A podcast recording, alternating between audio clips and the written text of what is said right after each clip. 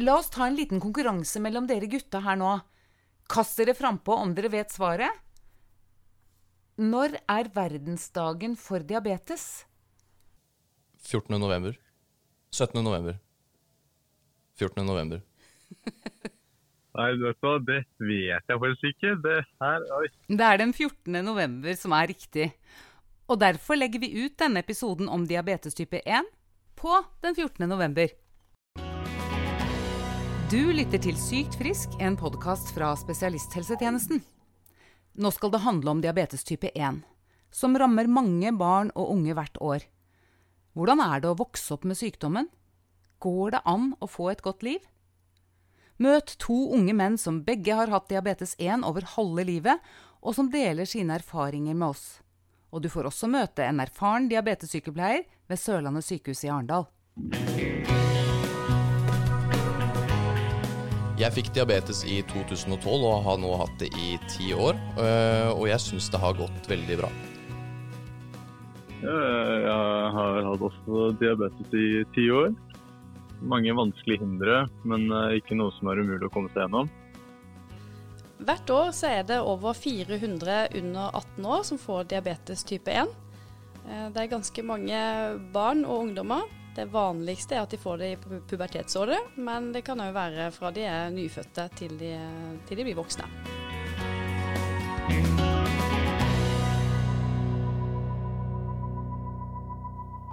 Mitt navn er Anette Strømsbo Gjørv. Og Oskar Stenersen og Oliver Henny, dere er omtrent like gamle, 18 og 19 år. Og Oskar, hva skjedde da du ble syk? Jeg brakk armen.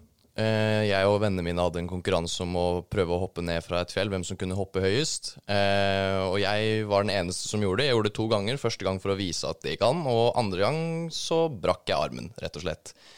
Eh, Så da var det ned på legevakta og få behandla det, og videre på sykehuset og få gips. Og ukene etter at jeg brakk armen, så merka jeg at jeg måtte opp om natta og tisse og drikke og disse og drikke, og i timene på skolen så måtte jeg drikke vann etter hver eneste time. Eh, og det var jo litt unormalt, syns jeg. Og vennene mine la også merke til det at hallo, er du, ikke, er du fortsatt tørst? Og etter hvert så begynte mamma og pappa å reagere på det, og skjønte at nå var det noe som ikke stemte, så vi dro ned på legesenteret i byen, og så målte de blodsukkeret mitt, og da hadde jeg over 20. Og da sa legen rett ut at han har diabetes, og han må på sykehuset. Hva med deg, eh, Oliver? Hvordan oppdaga du at du hadde diabetes? Var i sommerferien eh, hvor vi koste oss, spiste godteri og sånne ting. Var ikke så mye unormalt. Og så plutselig begynte foreldrene mine å legge merke til at jeg ikke spiste. Eh, drakk vann hele tida, gikk på do, akkurat samme som eh, Oskar. Dagen før vi skulle dra til Spania, så ville faren min ta meg med til sykehuset for å bare sjekke at alt sammen gikk fint, at det ikke var noe galt. Og da fikk vi beskjed om at eh, jeg hadde fått eh, diabetes. Ganske nytt for min del, for jeg visste ikke hva det var. Men resten av familien visste om dette fordi oldemoren min hadde hatt det. Så da var det rett på sykehuset og være der en ukes tid for å få behandling. Cecilie Kjostolsen, nå har du hørt to eh, historier her om hvordan det starta. Det starta jo litt likt med dette med drikking. Eh, men så var det dette med armbruddet. Er det sånne ting som kan utløse diabetes? Det kan være tilfeldig, men, men noen ting kan være med på å utløse diabetes eh, type 1. Det kan være i form av infeksjoner, virus, eh, stress, som kan være med å, å trigge det, da. Og dette med drikking, å være veldig tørst, kjenner vi igjen det? Det kjenner vi igjen. Det å drikke mye og tisse mye, det er jo de første tegna på høyt blodsukker. Høyt blodsukker, ja. Hos personer som får diabetes 1, så har bukspyttkjertelen sluttet å virke som normalt. Den slutter å produsere insulin. Og insulinet det er et hormon som regulerer blodsukkeret i kroppen. For lite insulin høyt blodsukker, og for mye insulin lavt blodsukker. Kroppene våre fungerer aller best dersom blodsukkeret er så jevnt som mulig. Så når kroppen selv ikke lager insulin, så må man tilføre insulin, og man må gjøre det resten av livet. Insulin kan f.eks. tilføres kroppen med en penn. Den har en liten spiss som fører små doser insulin inn i kroppen. En annen og mer og mer brukt metode er en liten insulinpumpe som festes på kroppen. Det skal vi snart høre litt mer om. Det er mye nytt å lære med å måle blodsukker og beregne karbohydratene i maten. Men dersom du får diabetes, får du god hjelp på sykehuset. Men tilbake til Oskar og Oliver, sju og ni år gamle. Oskar fikk sitt aller første møte med sykehuset da han brakk armen, men før gipsen var av, så oppdaget legene at han hadde diabetes type 1. Mens Oliver måtte avbryte ferie til Spania for å legges inn på sykehus og også få behandling for diabetes type 1. Er det noe guttene kunne gjort annerledes for å unngå sykdommen, Cecilie? Nei, det er det ikke. Type 1-diabetes, det, det kommer når det kommer. Hvis det kommer. Det er ikke noe man påvirker sjøl. Men vi hørte at uh, Oliver han uh, visste litt om det fordi han hadde en oldemor som har diabetes. Og um, er det arvelig? Vi ser at det kan være arvelig. Type 2-diabetes er, er, mer arvelig, men vi ser også at type 1-diabetes kan gå igjen i noen familier. Det er ikke nødvendigvis alltid sånn. Vi skal ikke gå inn på forskjellen med diabetes type 1 og 2 her nå, men les gjerne artikkelen om denne episoden på syktfrisk.no. Så finner du filmer og digitalt kurs, og Helse Norge har også en fin artikkel som forklarer mer i dybden forskjellen mellom diabetes type 1 og type 2.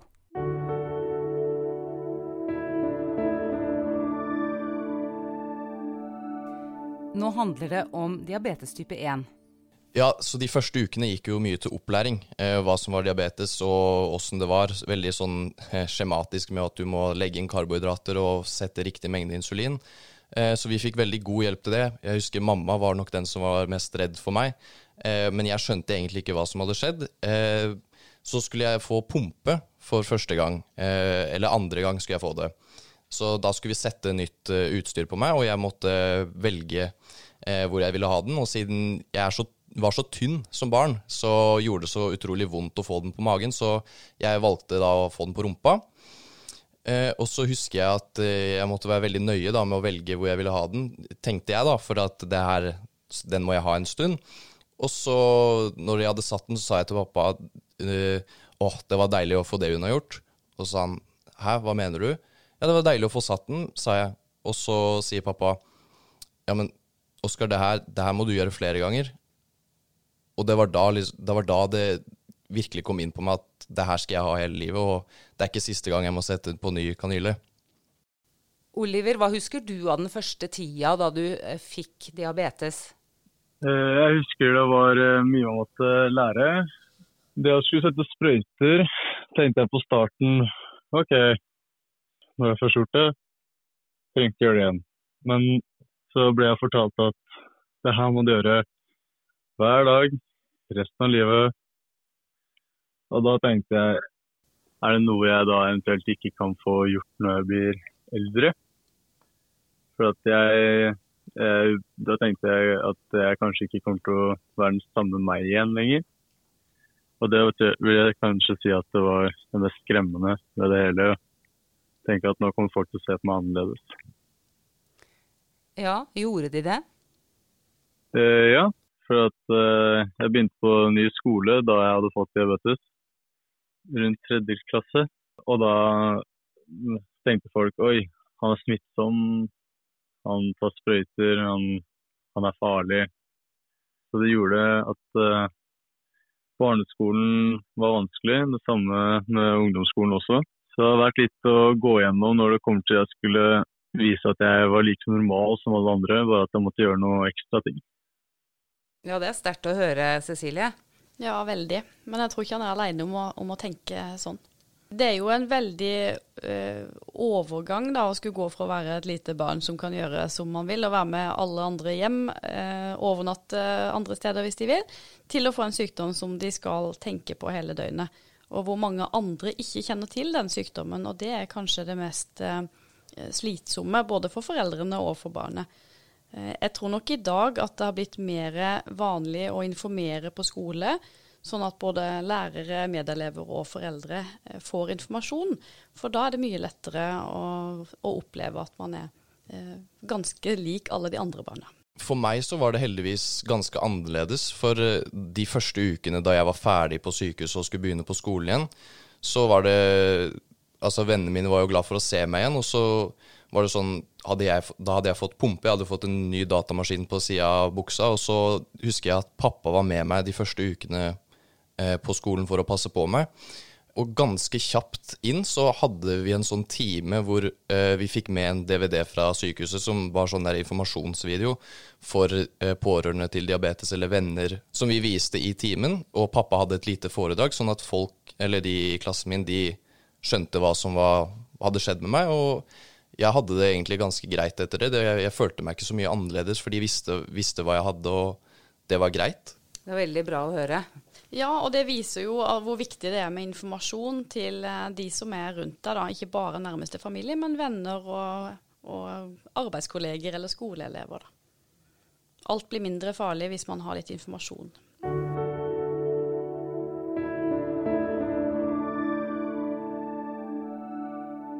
Det er mye å lære når man får en kronisk sykdom, som jo diabetes er.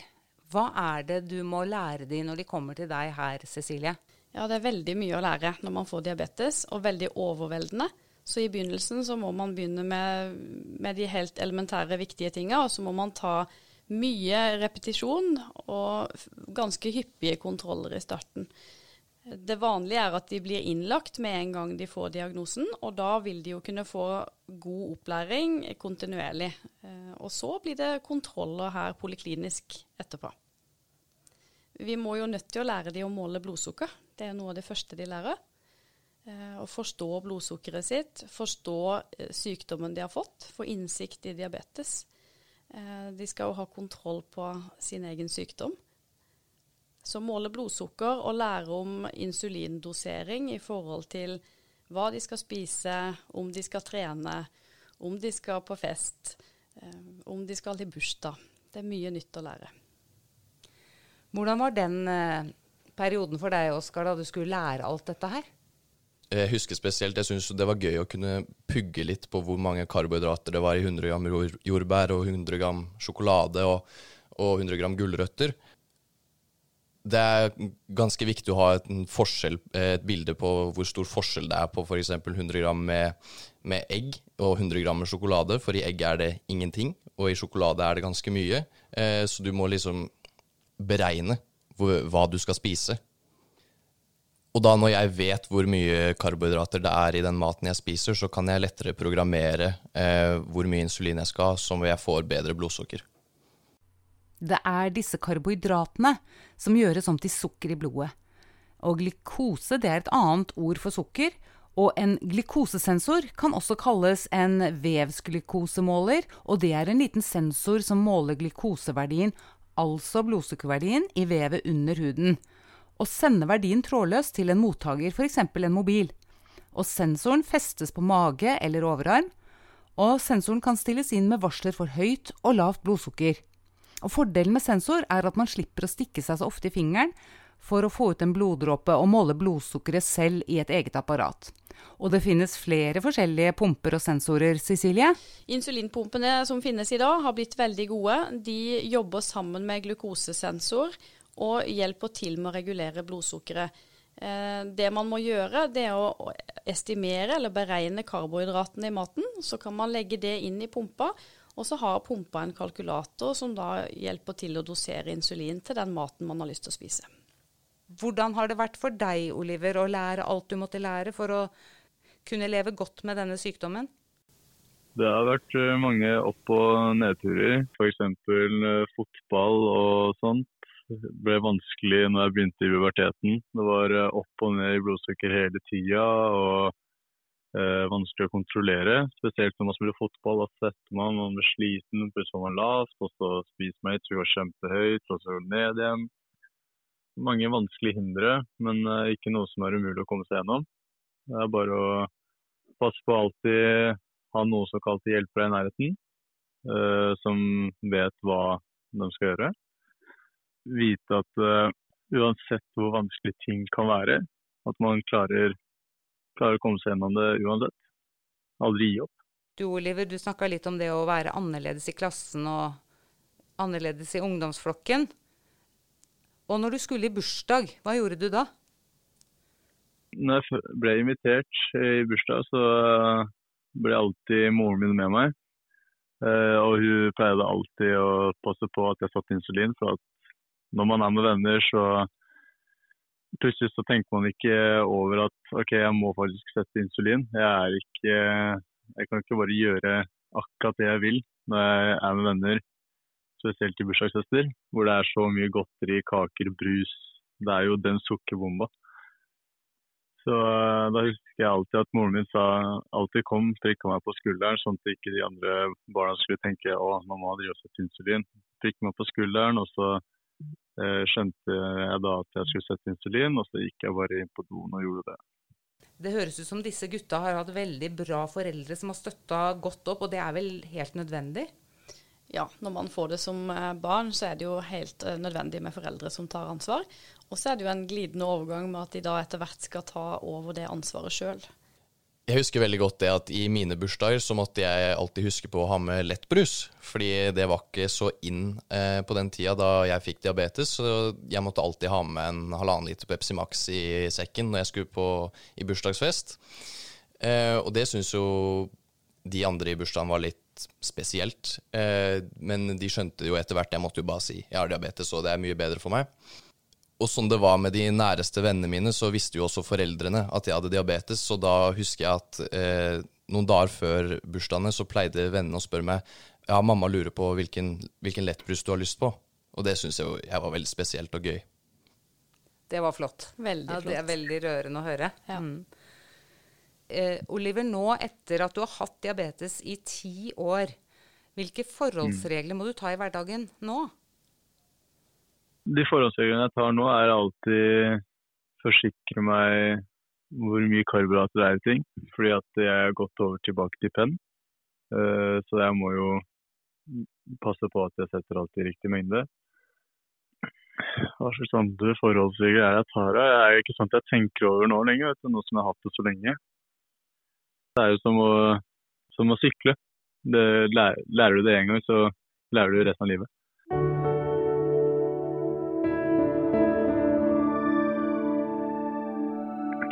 Når det kommer til det i ungdomstida, da, med å ta gode og dårlige valg, så, så eh, er det veldig vanskelig å vite først hva som er riktig hva som er galt. Jeg har jo gjort noen dumme valg. Jeg kommer ikke til å punktere ut det. hvis noen spør har lyst til å få noe alkohol, altså hvis man er på en fest, da pleier jeg som oftest å takke nei. For at jeg tar alt med min egen for å passe på hvor mye innsyn jeg skal sette, og hvordan jeg skal kontrollere det. For jeg vet aldri hva som kan være i den drikka andre folk vil stille med. For det er ofte folk spør meg Hvordan er det å ha diabetes. Eh, og jeg pleier alltid å svare det samme, og det er at jeg vet jo ikke åssen det er å ikke ha diabetes, for jeg fikk jo diabetes når jeg var sju og et halvt. Så jeg kjenner bare til livet med diabetes, så, så jeg bare sier det, det, er det eneste jeg kjenner til. Det er bare sånn det er. Jeg tenker på en måte kanskje også at det var en gave eh, at jeg fikk det i så ung alder, for da var jeg ferdigutdanna når ungdomstida begynte. Så da visste jeg hva jeg skulle gjøre. Eh, så jeg tar de samme forhånds... Eller skal i teorien ta de samme forhåndsreglene, sånn som Oliver sier. Men det, det går på en måte mer på autopilot, eh, siden jeg fikk det så tidlig. Nå har vi to ungdommer her som virker som har eh, lært seg dette veldig godt og tar de gode valgene, Cecilie. Men hvordan kommer man fram til å gjøre det? At man tar de gode valgene? Jeg tror alle som har diabetes eh, må gjennom eh, perioder hvor blodsukkeret er høyere, vanskeligere, mer ukontrollerbart. Uh, ulike perioder i livet som vil føre til det, bl.a. puberteten. Uh, sånn, sånn, er det bare. Og så må man tenke at man har diabetes, så blodsukkeret vil aldri være helt perfekt bestandig, og det går fint. Uh, og så må man finne sin måte å gjøre det best mulig på. Og For noen så kan det være ganske lett, og for andre så kan det være veldig vanskelig. Så Det er vanskelig å sammenligne seg med alle andre bestandig. For det å ha diabetes det er like ulikt som det å være menneske. Det med mat og alt man skal tenke på, hva man kan spise og ikke spise, er det veldig mange regler der? Det var nok mye mer sånn før. At eh, nei, men du har diabetes, du kan ikke spise det og det og det. Og mange vil nok få høre det ute fortsatt. Ja, men kan du spise det? Du har jo diabetes. Eh, men i dag så prøver man å ha en tilnærming til at man kan spise det man ønsker å spise, og så må man beregne insulin i forhold til det man spiser. Og så vil jo mange igjen oppleve at noen matvarer gjør det vanskeligere å få til den blodsukkerreguleringa de har lyst til å ha og så står de over enkelte varer av den grunn. Ja, i ungdomstida så er det jo veldig mye man har lyst til å gjøre, og så er det da en begrensning kanskje når man får en sykdom som diabetes. Og der var du heldig, Oliver, for du hadde en far som engasjerte seg veldig i at du skulle ha dette blodsukkeret ditt ganske jevnt. Eh, faren min fikk det syv år eh, etter meg. Han visste jo allerede alt mulig det var om diabetes, fordi jeg hadde hatt det så lenge. Eh, og han så jo at jeg sleit jo litt med diabetes på den tida. Så da kom han og stemoren min opp med en plan om at hva om vi tar en konkurranse? For, for den som klarer å ha best blodsukker hver dag til hvert måltid får et poeng. Når fredagen kom, så eh, fikk vi en premie. Den som hadde vunnet og fått mest poeng. Hvor jeg da hadde fått en gang dra på kamp og se på fotballaget jeg liker å se på best, Lillestrøm. Og det var noen ganger han også vant, hvor jeg da skulle enten gi ham en massasje eller hjelpe ham med et eller annet ting som han generelt trengte eller likte å få. da. Det er veldig bra historie, og veldig motiverende, da.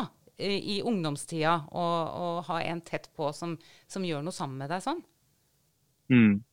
Ja, og, og, så er det vel veldig ulikt eh, fra person til person igjen da, om hvor mye det konkurranseinstinktet vekkes. Det er jo noen som ikke har konkurranseinstinkt, og så er det noen som da går inn for å vinne. Jeg hadde gått inn for å vinne. Det er jo litt sånn som uh, hun, hun, sier, at um, vi, det er konkurranseinstinkt i det her. Er, vi har ikke så mye tid med hverandre lenger på den måten, men jeg kommer aldri til å glemme den perioden. Og jeg vil si at det var jeg som vant flest ganger. så bra. Oliver, du ble altså motivert til å få hjelp til å holde blodsukkeret ditt jevnt gjennom ungdomstida med denne konkurransen med far din. Men ikke alle anbefaler konkurranse dersom det kan utløse dårlige følelser og at du bare taper. Det som er viktig, det er at du finner din vei, og så lenge du bryr deg om blodsukkeret ditt, så er det det beste du kan gjøre for deg selv. Og så vil det komme perioder at å ha jevnt blodsukker ikke er lett, uansett hva man gjør. Hva med deg, Oskar? Hva motiverte deg? Jeg har ikke hatt noen sånn konkurranse, eh, men jeg tenker at en premie er jo på en måte det å ikke få seinskader òg. Eh, at det virker på en måte avskrekkende eller skremmende å, å få seinskader. At man ikke vil ha det. Så da, da, prøver man å ha bra blodsukker. Og det er ikke alle som kommer eh, som 18-åringer og tenker at de ikke vil ha seinskader. Jeg tror mange 18-åringer lever her og nå, sånn som eh, man skal egentlig når man er 18. Eh, og hvis de da har en litt tøff periode og blodsukkeret er kranglete, så kan det være vanskelig å finne motivasjon. Og ofte når de kommer til meg da, og ikke kjenner de fra før, så begynner jeg ikke å snakke om seinskadene. Da tenker jeg at jeg må bli kjent med et nytt menneske på 18 år. Eh, det bruker litt tid på det. Og vinne litt tillit. Og prøve å spørre, eh, anerkjenne og spørre og finne ut av hva er det som er vanskelig, hva er det som faktisk går fint og begynne å jobbe derifra. Men hva er senskader? Senskader er jo noe man kan få som diabetiker hvis blodsukkeret er dårlig regulert over tid. Eh, da vil det legge seg avleiringer i blodårene som kan gi eh, problemer med syn, eh, problemer med nyrene og ellers med, med alle blodårer i kroppen. Når fikk dere vite dette om seinskader, dere, når dere fikk diabetes? Jeg husker i løpet av de første ukene hvor jeg var innlagt, så måtte vi jo ta blodsukkeret mitt. Og da var det ofte jeg fikk beskjed om å ikke ta den i pekefingeren. Uh, og jeg skjønte ikke det helt i starten. Jeg bare sa OK, må, så tok jeg det i de andre fingrene. Men så lærte jeg etter hvert at siden jeg kan bli blind, så trenger jeg pekefingeren til å kunne lese blindeskrift med. Så det var derfor jeg ikke måtte ta det og stikke meg i pekefingeren, sånn at jeg ikke skulle miste følelsen i pekefingeren. Så det var jo litt skremmende, det òg. Det er jo det er skremmende. Heldigvis nå i dag så er, har vi så godt utstyr. Hjelpemidler som eh, glukosesensor, insulinpumper, mye bedre insulintyper.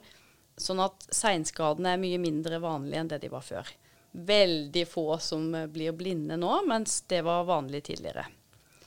Eh, så vi, vi ser at hvis man er flink og holder en god blodsukkerregulering gjennom livet, så klarer man seg fint. Og det er ikke sånn at hvis man har en liten periode i ungdomsåra som er vanskelig, så får man seinskader av den grunn.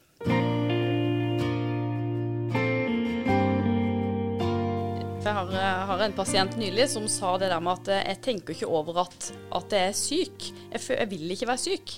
Eh, og da snakka vi om det at det å holde en god blodsukkerregulering, det gjør jo at man ikke blir syk. Så det er liksom jobben, da. Bare hold det blodsukkeret ganske greit, så er jeg faktisk frisk det syns jeg var en god, eh, en god, vinkling på det. For man har ikke lyst til å gå rundt og føle at man er syk. Det, det, det er noe som mamma reagerte på, var at folk brukte ordet sukkersyke om diabetes før. Eh, fordi at det da blir en sånn betegnelse på at man er syk. Eh, personlig så har jeg ikke hatt noe problem med det, hvis du vil kalle det så vær så god. Men eh, jeg, jeg, er jo ikke syk.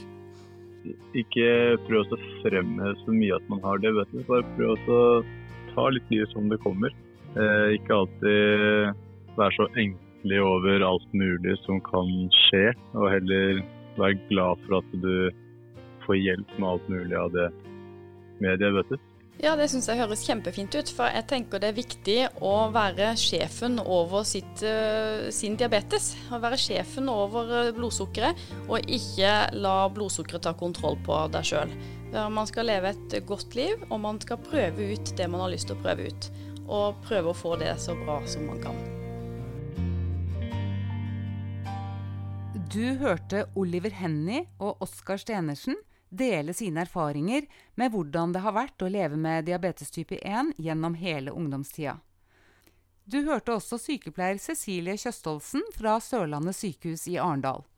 Og det er endokrinolog Mikkel Høiberg fra Sørlandet sykehus som er medisinsk ansvarlig for denne episoden, i tillegg til at han er medisinsk ansvarlig for Sykt frisk podkast.